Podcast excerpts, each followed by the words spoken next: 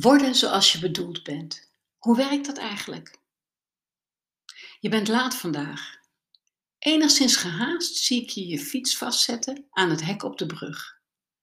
Je rent naar de deur en ontwijkt ter nauwe nood een fietser die jou uitscheldt. Een beetje bedremmeld schuif je aan tafel. Ik heb een leiderschapstraining gehad deze week. Dit zijn de punten waar ik aan moet werken. Je legt een formulier op tafel waar je opgeschreven hebt. Ik laat mijn blik er snel overheen glijden. Langzamer spreken, zie ik staan, je gevoel laten zien. Word je een leider of ben je een leider? Je kijkt me aan. Nou, je bent een leider die door ervaring steeds beter wordt. Is het een kwestie van aanleren of afleren? Aanleren, zeg je beslist. Hm, interessant. Dit is zo'n onderwerp waarbij de Bijbelse werkelijkheid precies haak staat op de werkelijkheid van de wereld van vandaag. In de Bijbel wordt ons verteld dat we bij geboorte helemaal goed zijn. Geschapen naar Gods evenbeeld staat er letterlijk. We spraken er eerder over. Dat verwijst natuurlijk niet naar je lichamelijke aanwezigheid. Het gaat om je levensgeest. Die geest is ingedaald in je embryonale wezen in de baarmoeder van je moeder. Geïncarneerd is het precieze woord. Die geest komt van God en is daarmee naadloos verbonden. Zelfs zoveel dat je niet kunt aangeven waar Gods geest eindigt en die van jou begint. Vanaf je, vanaf je eerste levensmoment beginnen de ervaringen waarvan sommigen je afhouden van wie je bedoeld bent te zijn. Het gaat over dingen die je aangedaan worden, maar ook dingen die je zelf doet. De uitwerking hiervan is dat je van jezelf afdrijft. Denk aan verwachtingen die je opgelegd worden en waarvan je denkt dat je eraan moet voldoen, terwijl je het eigenlijk niet wilt. Denk aan verwondingen door moeilijke ervaringen die je aangedaan zijn. Maar denk ook aan acties die je zelf genomen hebt waar je spijt van hebt. Nu je denkt aan je leiderschapprogramma, kun je een actie noemen waar jij nu spijt van hebt, die je leiderschapsontwikkeling negatief heeft beïnvloed? Ik zie je even nadenken en dan langzaam zeggen: Ja, ik herinner me één. Dat was op de middelbare school. Een groep klasgenoten haalde een rottige streek uit met een meisje uit mijn klas. En ik weet nog dat ik het er niet mee eens was. Maar ik deed niets. Ik liet het gebeuren. Ik, ik zag de dagen erna haar verdriet. Maar ook toen deed ik niets. Nu ik erover spreek, kan ik nog voelen hoe schuldig ik me wist. Ja, ik had toen op moeten staan. Ik was zwak. Waarom deed je het niet? Ik wilde erbij horen, niet gezien worden als afwijkend. En nu ik dit zeg, dit zijn precies de redenen waarom ik wel had moeten opstaan.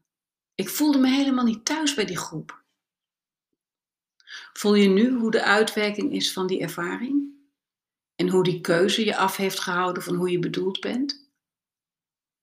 Je kijkt me verwonderd aan. Ja, dat voel ik. Schaamte. De Bijbel noemt dit zonde. In India noemen ze dit karma.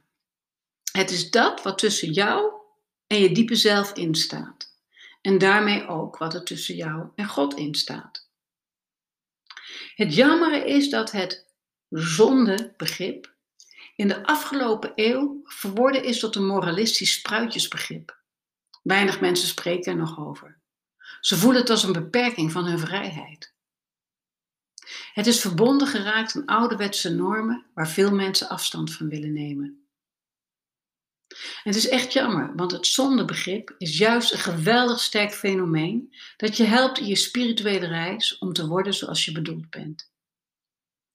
Jij hebt het gevoeld toen je geen actie nam voor het meisje in je klas. En juist dat gevoel is zo waardevol. Dat stimuleert je om het in het vervolg anders te doen. Tegen jezelf te zeggen: Zo wil ik het dus niet. Maar nu nog een vraag voor je. Hoe kun je zonde opruimen uit je leven? Je kijkt me verloren aan. Uh, je gaat me nu waarschijnlijk uitleggen dat ik moet bidden.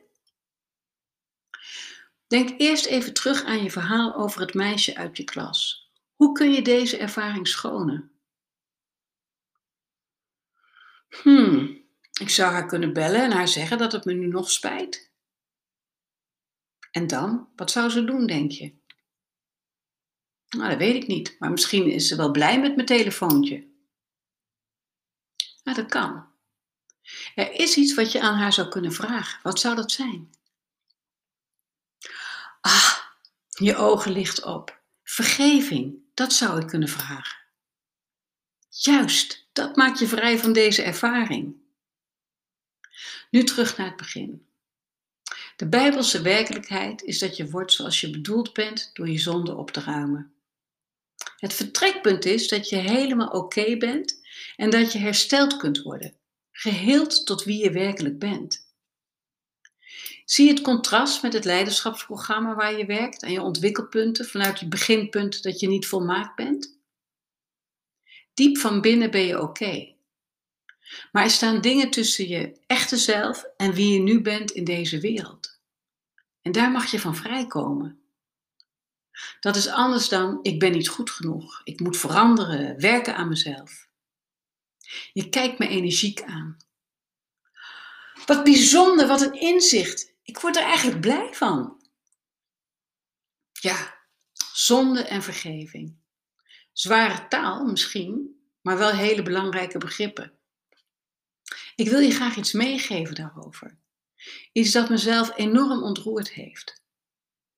Je moet eens kijken naar de film The Mission. Op YouTube kun je de mooiste scène hieruit bekijken. Robert De Niro speelt een hoofdrol. Hij is een schurk die de lokale bevolking misbruikt in de tijd van de Spaanse kolonisten in Zuid-Amerika. En wanneer hij echt spijt heeft van zijn daden, neemt hij een groot net en stout dat vol met zware spullen. Hij bindt er een touw aan en klimt daarmee de berg op naar het dorp van de lokale bevolking. Om zichzelf te straffen. Het is echt een letterlijke last. En dan komt de scène waarop de lokale bevolking hem vergeeft en zijn touw doorsnijdt en de las in de afgrond laat vallen. Hij valt hartstochtelijk huilend op zijn knieën en komt dan echt vrij van de last van zijn misdaden. Ah, het is de mooiste scène die ik ken over vergeving.